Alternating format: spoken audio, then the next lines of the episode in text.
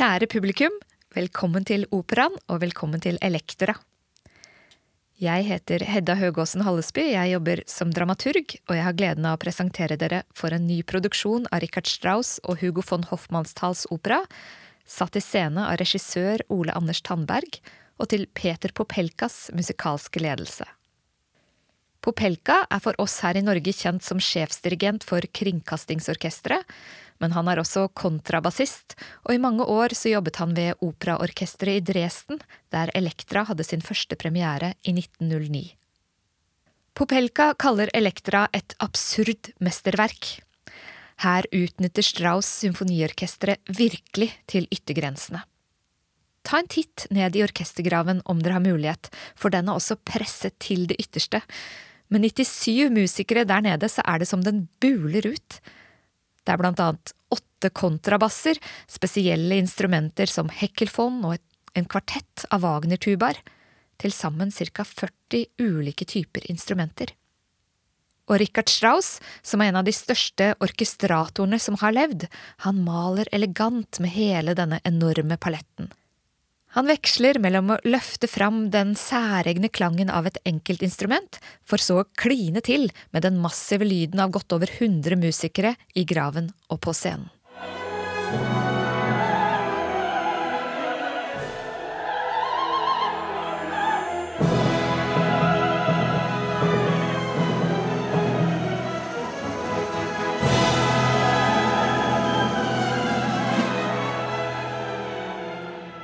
Elektra er på mange måter et ekstremt verk, også for sangerne som synger over hele dette enorme orkesteret uten mikrofoner eller teknisk forsterkning. Og særlig for Elektra-rollen, hun er på scenen fra hun entrer og helt til the very bitter end. Dette er også et stykke med en ganske ekstrem fortelling. Med ekstreme følelser og om et ekstremt familiært traume. Det handler om hva som skjer i en familie der moren og hennes elsker har drept faren, med barna som vitner. Disse er med. Elektra, som er datter av Klytemnestra og avdøde Agamemnon. Han ble drept da Klytemnestra og hennes nye mann Agistos angrep ham bakfra da han satt i badekaret. Elektra venter sammen med sin søster, Krysotemis på at broren deres, Orestes, som ble sendt bort rett etter faren var død, skal komme tilbake for å hevne faren, drepe moren og elskeren hennes. Og de to, Elektra og Krysotemis, bor i barndomshjemmet der tragedien fant sted. I dette huset utspiller det seg også andre aktiviteter som ikke helt tåler dagens lys. Det bor noen jenter der, som vi møter i begynnelsen, disse blir holdt under strengt oppsyn av en kvinne med balltre. De utsettes for tortur, og de fungerer som noen slags offerdyr, sammen med krystaller og annen overtro som skal lindre morens stadige angstanfall, skrik og mareritt. Et skikkelig utrivelig sted, altså, der det ligger mye skjult i krokene. En stund går det rykter om at broren er død, men da det viser seg å være feil, blir resultatet blodig. Traume ender i et nytt traume, men også i fantastisk musikk.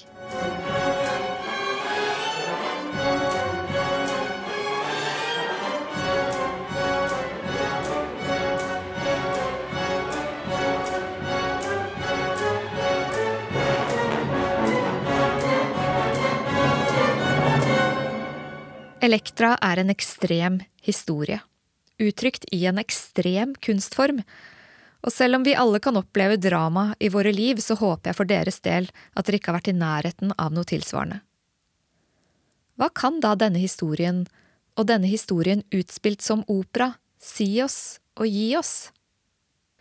Det har jeg lyst til å snakke litt om. Ikke fordi vi selv alltid skal være sentrum, men fordi jeg tror det er noe i oss selv som kan være en nøkkel til å oppleve Elektra på en annen måte.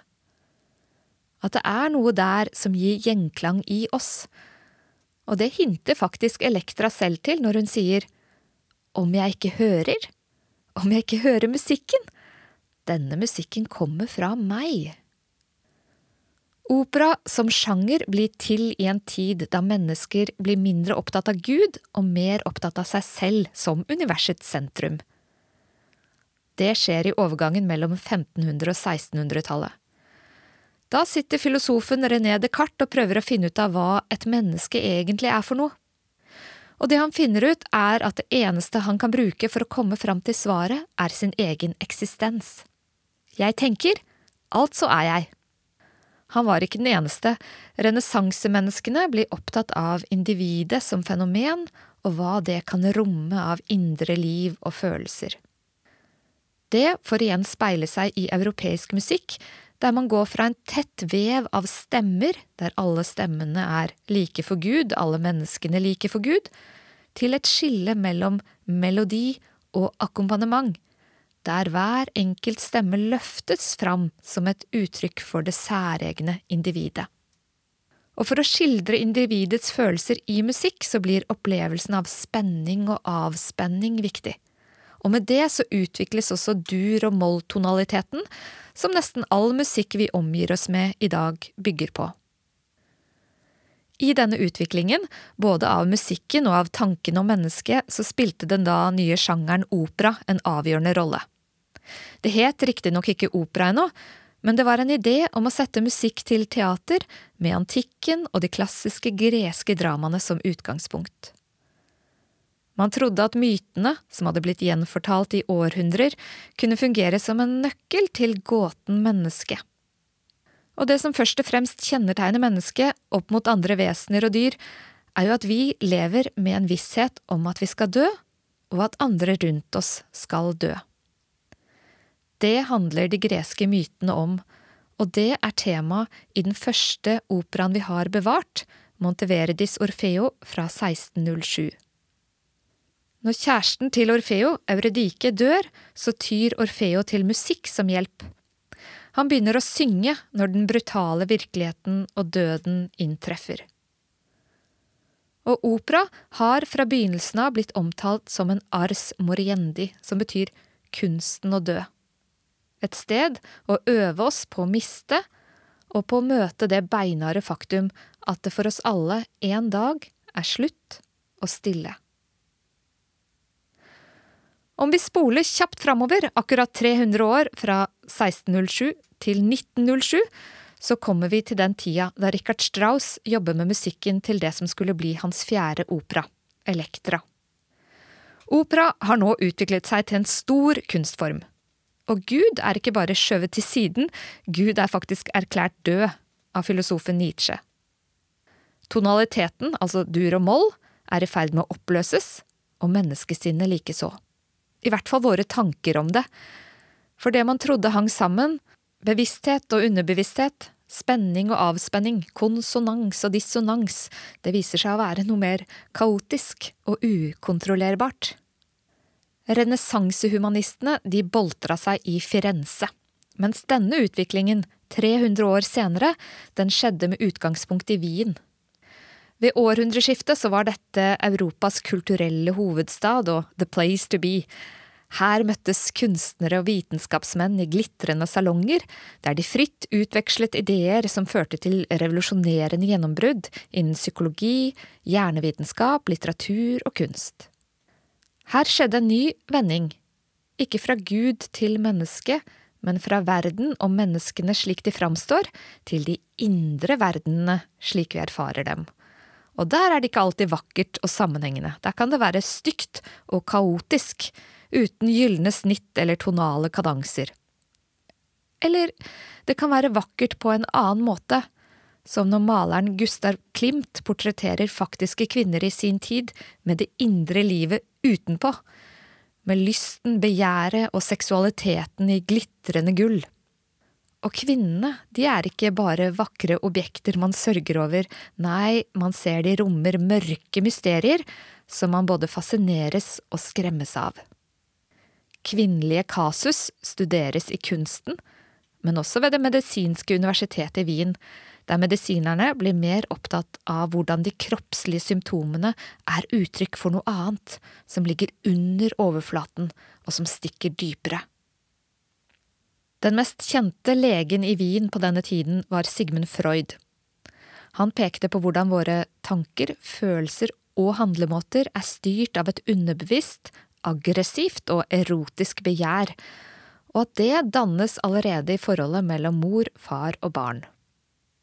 Også i hans studier av mennesker, i det som skulle utvikle seg til å bli det vi nå kjenner som psykoanalyse, så får de greske mytene spille en viktig rolle. Historiene om Agamemnon, Ødipus, Ulysses, Antigone og Elektra fortsetter å tjene som historier om oss selv, men nå med nye sjatteringer. Elektras ønske om å hevne faren Agamemnon blir ikke lenger bare en historie om menneskelig hevn og guddommelig rettferdighet, men også en fortelling om et begjær etter å kvitte seg med sin mor og bli sin fars utvalgte. Dette definerte psykoanalytikeren Carl Gustav Jung i 1913 som elektrakomplekset. Om døden var mørk og vanskelig, så er disse følelsene enda mørkere, vanskeligere og ikke minst tabu. I salongene i Wien så møttes vitenskapsmenn og kunstnere. Her figurerte forfattere som Raine Maria Rilke, Thomas Mann og Henrik Ibsen når han var i Wien, men også en ung poet som ble betraktet som et fantastisk talent. Hugo von Hoffmannsthal het han. Han var briljant, skarp, flytende i mange språk, og han hadde en penn av gull. Likevel hadde Hoffmannsthal rundt århundreskiftet nettopp vært igjennom en slags eksistensiell krise, slik mange er sånn rundt 30 år. For denne bejublede unge forfatteren var denne krisen knyttet til hans forhold til poesi, språk og litteratur. Og det skrev han om i et essay i 1902. Han trodde ikke lenger at ordene alene kunne bringe ham til noen kjerne, sa han. Ordene kunne ikke formulere bakgrunnen for menneskelige handlinger eller motivasjoner. Gester, derimot, bevegelser, de kunne peke på noe renere og et mer direkte uttrykk for vår menneskelige eksistens, mente han. En som på den tida hadde begynt å jobbe med rytmiske og kroppslige gester og bevegelser på scenen, det var produsenten og teatersjefen Max Reinhardt. Og han tar Hoffmannsthal kontakt med. Sammen med skuespillerinnen Gertrud Eisholt så møttes de to i Wien i 1903, og de ble skikkelig gira på ideen om å gjenskape myten om Elektra. Hoffmannsthals personlige krise hadde fått ham til å avvise sin egen tids diktning, og inspirert av Nietzsches bok Tragediens fødsel, så trodde han at et samfunn bare kunne moderniseres og utvikles ved å gå tilbake til de gamle mytene. Og historien om Elektras familie er virkelig gammel. Den var en del av det rike muntlige repertoaret som hadde blitt overlevert i mange generasjoner, før den havner i Homers tekster på 800-tallet før Kristus, og deretter blir den plassert inn i forskjellige versjoner i dramaer av Sofokles, Aiskylos og Euripides. Hoffmannsthal kalte sin versjon en tragedie i én akt, fritt tilpasset fra Sofokles, og den fikk sin premiere allerede samme år som de tre hadde møttes, i 1903 på Reinhards Kleines teater i Berlin, med Eisholt selv i tittelrollen. Det var også på Reinhards Kleines teater at komponisten Richard Strauss for første gang så Oscar Wildes drama om Salome. Den hadde også Eisholt i tittelrollen, og det gjorde han om til en opera som skulle bli hans store gjennombrudd som operakomponist i 1905. Samme år som denne operaen Salome har premiere, så ser Strauss en forestilling av Hoffmannsthals Elektra, og han blir slått i bakken av kraften i dette verket, av sanseligheten i det, det er så fullt av lukt, smak, lyd og bevegelse, og det er som det roper på musikk. I 1906 så skriver da Strauss til Hoffmannsthal og ber om tillatelse om å gjøre dette til opera, slik han hadde gjort det med Wilds Salome.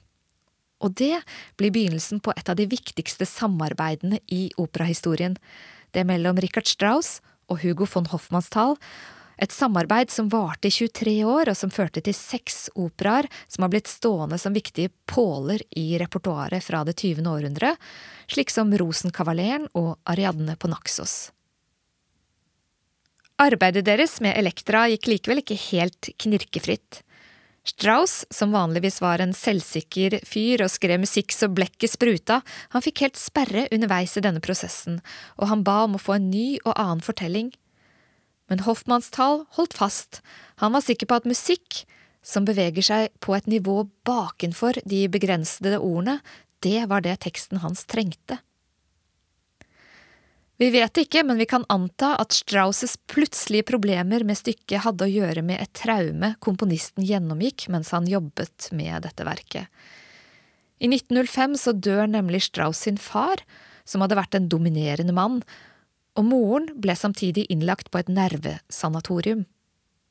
Og Elektra, det er en historie som rører ved noen blått fastlagte nerver i alle som er født inn i denne vakre, men likevel så vanskelige relasjonen mellom mor, far og barn, der nakne og ukontrollerbare følelser rår. I motsetning til myten om Elektra, slik den er gjenfortalt i de greske tragediene, så får vi i Hoffmannsthals drama ikke vite noe om at moren drepte faren, fordi han igjen hadde drept deres datter. Han hadde ofret Elektras søster Ifigenia til gudene for å få bedre vind i seilene mot Troja. Når den historien tas ut, er morens eneste grunn til å drepe faren at hun har fått seg en annen mann. Dermed blir det ikke en fortelling om hevn og guddommelig gjengjeldelse, men om ukontrollerbare menneskelige følelser. Hoffmannsthal sa selv at han hadde gjort Sofokles tragedie om rettferdighet til et kjøretøy for følelser. Elektra er fiksert på drømmen om hevn. Klytamnestra er besatt av frykt, og Krysotemis er full av frustrasjon. Hun ønsker bare å komme videre, hun, og leve et normalt, lykkelig og gift liv, i kjærlighet som gir liv, i motsetning til Elektras kjærlighet til faren, som dreper. Krysotemis søker etter å høre til, Elektra er besatt på å være alene, hun står utenfor, ikke bare utenfor huset, men også utenfor samfunnets kategorier, og det greske adjektivet elektros refererer også til det å være utenfor ekteseng og utenfor ekteskapet. Hun er alene, og hun entrer scenen alene med ordene Alain, ganz allein.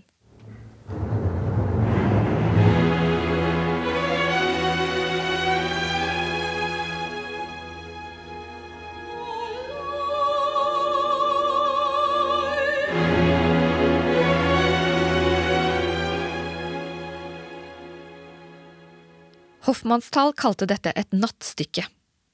Det utspiller seg i mørket en spesiell natt. Men vi får vite at hver kveld så tilkaller Elektra sin døde far Agamemnon.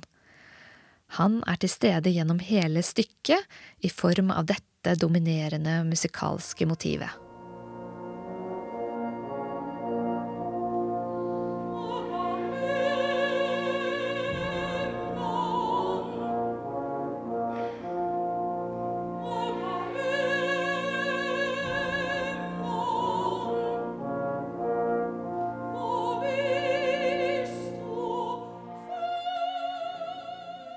Elektra identifiserer seg med faren, og hun går rundt i hagen i hans klær. Der har hun begravd øksen hans og drømmer om hvordan den skal hugge i hjel moren. Hun tror hun trenger en mann, altså broren sin, for selv å liksom bli sin far. Men da broren Orestes endelig kommer, så glemmer hun å gi ham øksa og får panikk for det, noe som nesten er litt komisk men det viser samtidig at dette er som en drøm eller et mareritt, der Elektra er besatt på å hevne faren med øksa han selv ble drept med. Sigmund Freud var opptatt av hvordan ting, som en øks, kan fungere som erstatninger for noe annet vi egentlig søker, og gjerne av seksuell karakter. Hoffmannsthals Elektra har blitt beskrevet som det første dramaet som helt tydelig er påvirket av Sigmund Freuds teorier om hvordan seksualiteten og begjæret driver oss, og at det er formet av forholdet til våre foreldre. Men det Freud ville peke på, det var ikke at alt i oss handler om seksualitet. Det han ville, var å nærme seg og belyse disse vanskelige følelsene som bor i oss, det vi ikke helt forstår, slik som ambivalensen overfor vår mor. Mor er livgiveren, men hun er samtidig en vi støter fra oss. Hun er den vi i begynnelsen av livet er avhengig av, men som fører til både angst og aggresjon fordi vi også kjenner på drifter i oss mot det å være selvstendig. Og selv om vi ikke går med bevisste planer om å drepe våre foreldre, så kan vi kanskje likevel kjenne på sånne krefter i oss. Eller den der stadige konflikten mellom det å søke trygghet og det å ville rive seg løs. Kanskje kan vi også kjenne på et behov for å være utvalgt, som Jung mente Elektra-komplekset handler om. Vi lengter etter å bli sett og anerkjent. En annen forskjell på Hoffmanns tal og Sofokles Elektra er at hun ikke dør i den greske tragedien. Det gjør hun hos Hoffmannsthal. I den greske tragedien får hun leve videre, og det rettferdiggjør handlingen med å drepe moren og hennes elsker som noe som er moralsk riktig å gjøre. Hos Strauss og Hoffmannsthal derimot så faller Elektra om, midt i en vill seiersdans, som Strauss setter ut i en stor, triumferende wienervals. Og det ender i vill C-dur, som slås av med to krasse S-moll-akkorder helt til slutt. Elektra har ikke mer å leve for. Hennes oppgave er oppfylt da hun identifiserer seg totalt med denne gjerningen hun skal utføre. Nå må vi tie og danse, sier Elektra. Det virker merkelig, irrasjonelt, men husk hvordan Hoffmannsthal var opptatt av eh, kroppens og musikkens språk, som fortsetter der ordene stopper. I Elektras dans er det menneskets ville syke som gjelder, marene som rir oss, som tar bolig i kroppene våre. Det var dette Freud og andre doktorer studerte ved klinikkene i Wien. De så på hvordan kroppen i ville fakter uttrykte indre konflikter og psykisk smerte som mange kvinner på den tida hadde lagt lokk på. Ville, ustyrlige kvinner finner vi også i Ibsens dramaer fra omtrent samme tid, som i Noras Tarantella eller Hedda Gablers Pistollek, og vi finner henne i Salome, hun som Strauss gjorde opera av før Elektra. Også hun er dypt traumatisert, og også hun danser og dør.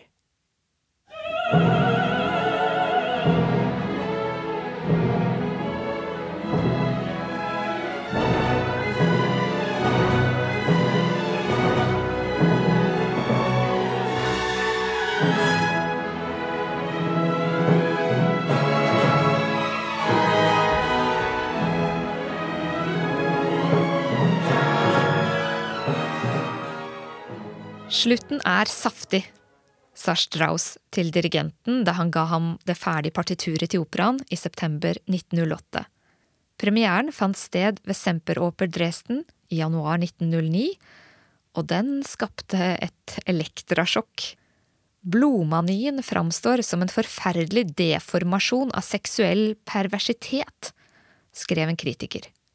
Andre mente at dette var voldtekt av de klassiske verkene, og en tegneserieskaper laget et bilde av Hoffmannsthal som holder Sofokles nede, mens Strauss slår ham i hjel med en trommestikke. Likevel kan vi si at Strauss og Hoffmannsthal ikke så mye holdt nede en gammel myte som de holdt opp et speil for sin egen tid, og brukte myten som en refleksjon. Det de da viste fram, var noe som mange ikke likte. Og operaen traff noen åpne nerver, den slo på et sted det gjorde vondt. Kan den også gjøre det i dag? Kan dette nattstykket kaste lys på mørke sider som vi liker å holde døra igjen for? I likhet med Strauss og Hoffmannsthal så har Ole Anders Tandberg og hans team gjenskapt denne fortellingen i vår egen tid. Sammen med scenograf Erlend Birkeland, kostymedesigner Maria Geber og lysdesigner Clement Irbil har Tandberg flyttet handlingen fra et slott i Mykene i oldhistorisk tid til et sted nærmere vår virkelighet. Handlingen utspiller seg i og utenfor et ganske nedslitt hus i utkanten av Oslo. Det er et sånt hus man forter seg forbi om kvelden, der man kan forestille seg at noe fælt har skjedd, eller at det, at det bor noen uberegnelige mennesker. Men de som bor der, er kanskje ikke så ulike oss likevel. De fleste kan kjenne seg igjen i opplevelsen av å være så besatt av en tanke at man ikke får fred, slik som Elektra. Å være så full av angst eller skyldfølelse at man ikke får sove, som Klytemnestra, eller være så full av frustrasjon over sin livssituasjon som Krysotemis. Alle karakterene her, de prøver på ulike måter å finne lindring, få på et plaster, få fred med seg selv. Opera har blitt kalt kunsten å dø, uten at vi selv må dø. Kan det også være kunsten å drepe, uten å faktisk gjøre det? Jeg vet det høres grusomt brutalt ut, men kanskje er det livsviktig. Kanskje er det en måte å finne fred med seg selv, i hvert fall en aksept, på alt i oss vi ikke helt forstår eller vil anerkjenne. Siden antikken har scenekunst blottlagt de råeste, vanskeligste og mest konfliktfylte følelsene som bor i oss. De som kanskje viser seg sterkest i familier og i forholdet mor, far og barn, den leken vi alle leker i barnehagen, men som vi aldri blir utlært i. Stykker som Elektra kan gjøre oss bevisst de følelsene og kreftene i oss. De kan romme dem for oss, det vi skammer oss mest over, men som likevel kan komme til overflaten og kanskje skremme oss i krasse dissonanser, der musikken klinger fra oss og i oss. Men når over hundre musikere blåser det ut i et absurd mesterverk, så blir det kanskje ikke bare vondt. Kompleksiteten i oss kan også bli noe vakkert. Hver lille nyanse i sinnet er her subtilt utkomponert. Velkommen til operaen en sjelens barnehage for de virkelig voksne følelsene, og velkommen til Elektra.